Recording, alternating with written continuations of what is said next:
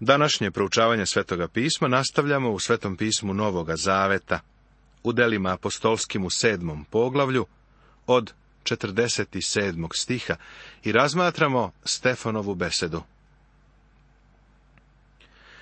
Hram je bio Davidova ideja. Uvek sam mislio da je trebalo da ga nazovu Davidovim hramom, iako ga je konačno sagradio Solomon, pa su ga zvali Solomonov hram. Ali mu Solomon izgradi kuću. Ali svevišnji ne stanuje u rukotvorenim hramovima, kao što kaže prorok. Nebo mi je presto, a zemlja podnožje nogama mojim. Kakav ćete mi dom sagraditi, govori gospod, ili koje je mesto moga počivanja? Zar nije moja ruka sve to načinila? Sada dolazi do osude tadašnjih verskih starešina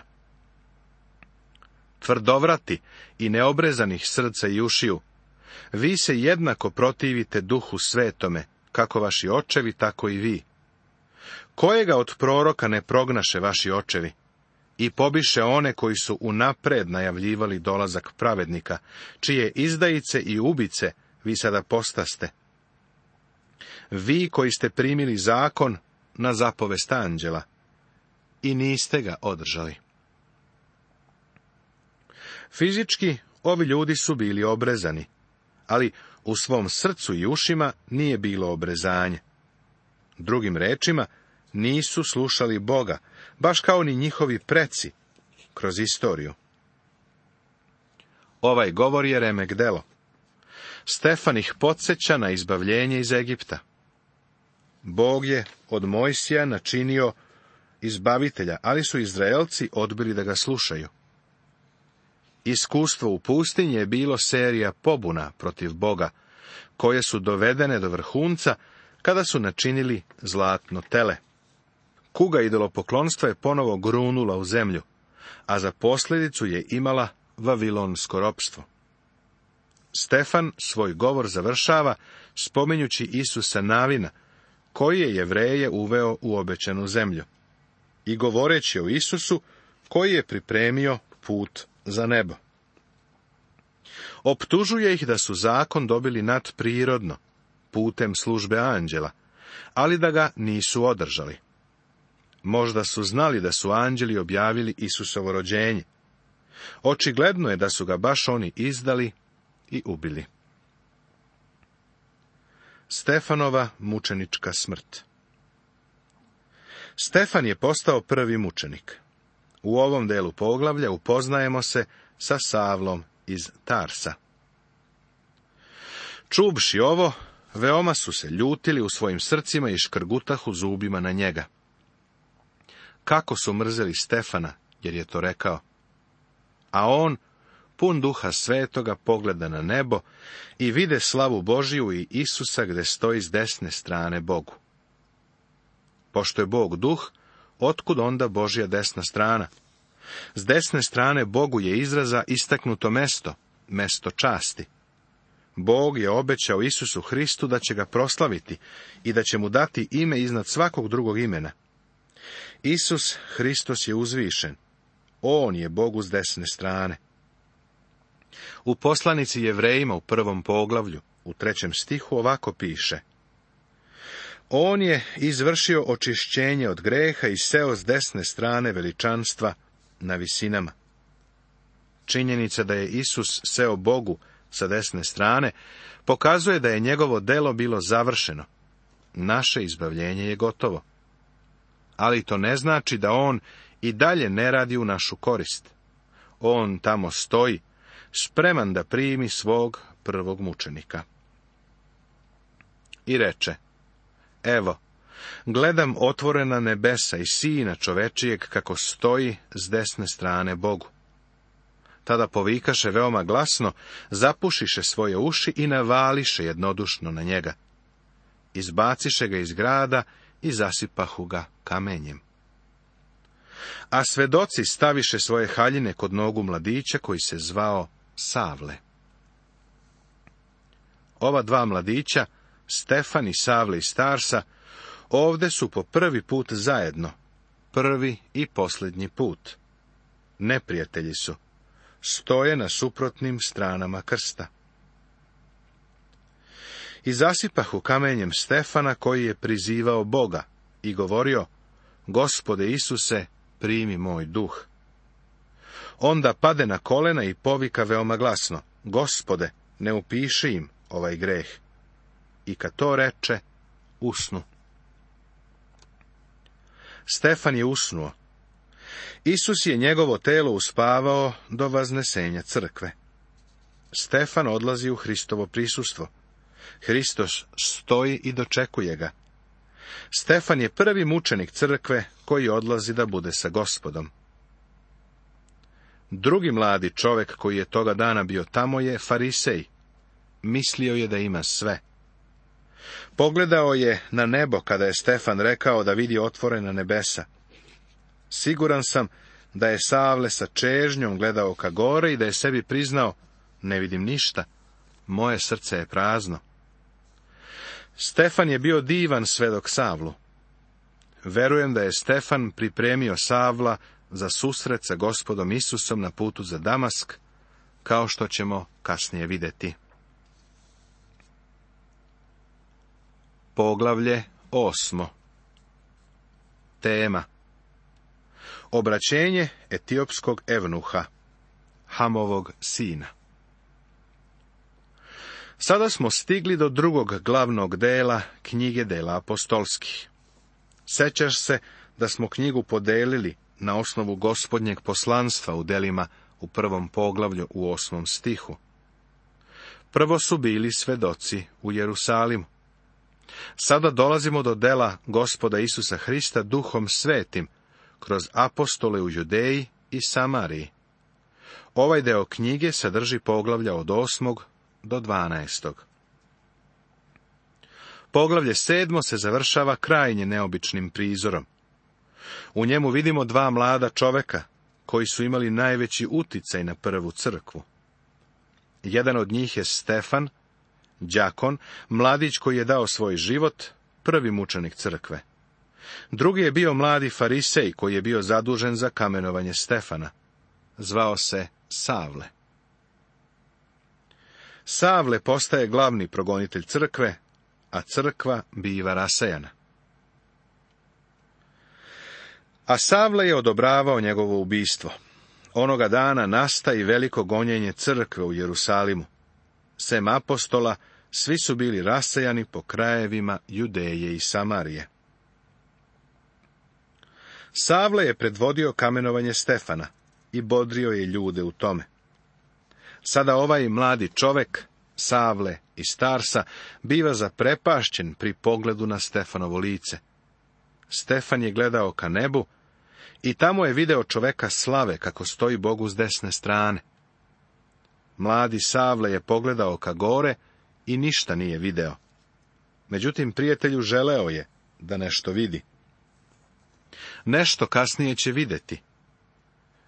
Verujem da je baš Stefan bio taj koji je Savla pripremio za pojavljivanje gospoda Isusa na putu za Damask. Savle je postao glavni progonitelj crkve. Zbog ovoga se crkva rasajala. U stvari, Savle je crkvi učinio uslugu. Svi iz crkve su se skrasili u Jerusalimu i mislim da se ne bi ni pomerili otuda da nije bilo progonstva koje je Savle i Starsa podsticao.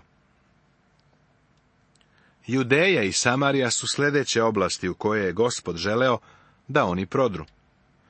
Judeja okružuje Jerusalim, a Samarija se prostire severno od Jerusalima. A pobožni ljudi sahraniše Stefana i učiniše veliki plač nad njim. Želeo bih ovdje da iznesem neka zapažanja u vezi sa hrišćanskim pogrebom. Danas se postavlja jedno pitanje. Da li jeste ili nije ispravno da se hrišćani kremiraju? U Bibliji ne piše ništa protiv toga. Niko neće izgubiti spasenje ako se kremira. Međutim, sahrana hrišćanina je kao sejanje semena. To je kao kada bi telo stavili u motel, da tamo spava do vaskrsenja. Tako govori apostol Pavle u prvoj poslanici Solunjanima u četvrtom poglavlju u prvom stihu. A u prvoj poslanici Korinčanima u petnestom poglavlju govori o telu kao semenu. Ne spaljuješ seme pre nego što ga posadiš. Isto tako ne spaljuješ čoveka pre nego što ga staviš u motel ili hotel da tamo spava. Polaganje tela u zemlju je kao svedočanstvo semena, dokaz tvoje vere u buduće vaskrsenje. Nema sumnje da je Stefanovo telo bilo strahovito unakaženo. Pobožni ljudi su ga nežno uzeli i položili u zemlju kao da sade seme. Stefan je otišao u Hristovu prisutnost. Hristos ga je gore u nebu čekao. Njegovo telo je otišlo u zemlju da čeka vaskrsenje. Tako je i sa vaskrsenjem mrtvih. Seje se u raspadljivosti, vaskrsava u neraspadljivosti. Seje se bez časti, vaskrsava u slavi. Seje se u slabosti, vaskrsava u sili seje se prirodno telo, vaskrsava duhovno telo. Kad postoji prirodno telo, postoji i duhovno, kaže prva poslanica Korinčanima u 15. poglavlju od 42. do 44. stiha. Ne vidim da kremiranje podržava ovu ideju. Ovo je više slika pravog hrišćanskog pogreba. Neki ljudi protestuju jer se grobovima zauzimaju mesta i troši se prostor. Prijatelju, ova stara zemlja je hiljadama godina primala tela, a mesta još uvijek i tekako ima. Savla je pak pustošio crkvu. Ulazeći u kuće, odvlačio je ljude i žene i predavao ih u tamnicu. Ovaj mladić je pun revnosti. Seti se šta je kasnije napisao o sebi u poslanici Filipljanima u trećem poglavlju u šestom stihu. Po revnosti gonitelj crkve, po zakonskoj pravednosti, bio sam bez mane. Rasajani, međutim, prolažahu svuda i propovedahu reč Božiju. Ovde vidimo efekte progonstva. U stvari, Progonstvo nije sprečilo crkvu da nastavi da radi svoj posao. Kasnije će apostol Pavle, kada bude u zatvoru u Rimu, dati ovo isto svedočanstvo. A hoću da znate, braćo, da je ovo što se sa mnom događa učinilo da evanđelje napreduje, kaže poslanica Filipljanima prvo poglavlje, 12. stih. Ne verujem da crkvi može biti naneta šteta s polja. Šteta joj se nanosi iznutra, kao što ćemo vidjeti kasnije u ovom poglavlju. Nakon Stefanove smrti Filip postaje glavni svedok. A sada se upoznajemo sa drugim džakonom koga je Bog upotrebio na divan način. Tako Filip dođe u glavni grad Samarije i propovedaše im Hrista. Gospod Isus je rekao da treba da svedoče o njemu u Jerusalimu, Judeji i Samariji. Sada Božja reč odlazi u Samariju. I narod je jednodušno pazio na Filipove reči, slušajući ga i gledajući čudne znake koje je on činio. Stefan je imao darove, znake i čuda crkve. Sada vidimo da i Filip ima iste darove. Nisu ih svi imali. Samo oni koji su bili u vođstvu, oni koji su reč Božju pronosili u svet. A onda je došao dar kada je dar čuda nestao.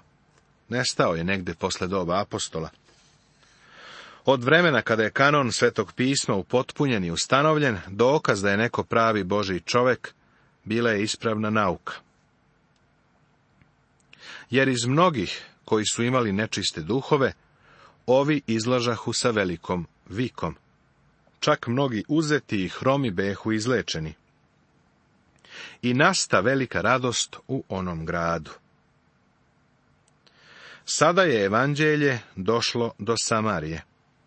Filip je u Samariji dobro prihvaćen, pa tamo posvuda evanđelje donosi veliku radost. Pošto crkva raste vrlo brzo, crkvi se pripajaju i ljudi koji nisu vernici. Iako su stvarno nevernici, oni ispovedaju veru. Sada ćemo upoznati jednog od njih. Simon Vračar U tom gradu se od ranije nalazio jedan čovek po imenu Simon, koji je vračao i dovodio u čudo samarijanski narod, govoreći za sebe da je on nešto veliko. On se postavlja kao nešto veliko. Takve stvari imamo i danas. Ako neko tvrdi da je iscelitelj verom, veruj mi da ga to izdvaja od ostalih. Poniznost se ne pokazuje na službama na kojima se od nekog iščekuje da isceljuje druge ljude, a pritom nagoveštava da je on jedina osoba koja ima taj dar – to je govorenje za sebe da je nešto veliko, kao što je Simon činio. Ovoga slušahu svi, od malog do velikog, govoreći. Ovaj čovek je sila Božija, za koju se kaže da je velika. A slušali su ga zato što ih je duže vremena zadivljavao vraćenjem. Ovi ljudi su smatrali da je Simon vračar kao Bog, baš kao i ovi ljudi, i danas ima mnogo onih koji su opčinjeni, odnosno zadivljeni vraćanjem. Prijatelju, nemoj da se zadivljuje ni opčinjava nikakav čovek, ni njegova moć. Čak i kada neko propoveda Božiju reč, ne gledaj na čoveka. Gledaj na Božiju reč i proveravaj da li je precizno predstavlja. Gledaj na Boga. Okreni se ka njemu. Kada pogled upremo u čoveka, onda pogled skidemo sa gospoda Isusa Hrista. To se desilo u Samariji. Kada pak poverovaše Filipu, koji je propovedao evanđelje o carstvu Božijem i o imenu Isusa Hrista, krštavahu se ljudi i žene. Filip je propovedao evanđelje u Samariji, pa su mnogi muškarci i žene poverovali. Simon je stupio u kontakt sa Filipom i očigledno je da je, pod dejstvom Filipove službe, ispovedio veru. Verujem da je Simon prvi duhovni ucenjivač u crkvi, ali nažalost ne i posljednji. Predstavljao se kao vernik u toku velikog probuđenja u Samariji, do koje je došlo zahvaljujući Filipovoj službi. Čak i sam Simon poverova i bi kršten, pa ostao uz Filipa. Gledajući čudne znake i velika čuda koja su se događala, beše van sebe. Simon veruje, krštava se i postaje Filipov prijatelj. Pomislio bi da je pravo, iskreno Božije dete. Međutim, nije obraćen. Vidjet ćemo da ima i drugih koji ispovedaju da veruju, ali nisu na rođeni. Imaju razumsko znanje, idu za masom, ali nisu spaseni. Iako su kršteni u vodi, nisu kršteni svetim duhom u crkvu Isusa Hrista. Takvih ljudi danas ima mnogo. Mnoga pisma primam od ljudi koji su mi rekli da otkad uz naš program proučavaju sveto pismo, da su počeli da ispituju svoju veru. Mnogi su shvatili da prosto idu za nečim drugim i da nisu lično obraćeni. Apostol Pavle kaže, ispitajte sami sebe, da li ste u veri, proverite sami sebe. Druga poslanica Korinčanima, 13. poglavlje, 5. stih. Veoma je dobro proveravati sebe. Treba da vidiš da li jesi u veri ili nisi. Ovaj čovek Simon je posjedovao sva spoljašnja obeležja. Govorio je da veruje u Isusa, da je kršten, ali njegova vera nije bila iskrena. Apostoli koji su bili u Jerusalimu, čuvši da je Samarija primila reč Božiju, poslaše im Petra i Jovana, koji siđoše i pomoliše se Bogu za njih, da prime duha svetoga. Još na ime ni na jednog od njih ne beše sišao, nego su bili samo kršteni u ime gospoda Isusa. Kada su apostoli čuli da se duh silno kreće u Samariji, poslali su Petra i Jovana da provere. Njih dvojice su tamo pronašla veliko mnoštvo ljudi koje je ispovedalo veru, ali nije bilo na novo rođeno. Još nisu svetim duhom bili kršteni u crkvu. Nisu bili spaseni. Ispratili su samo spoljašnji obred. Nastavit će se.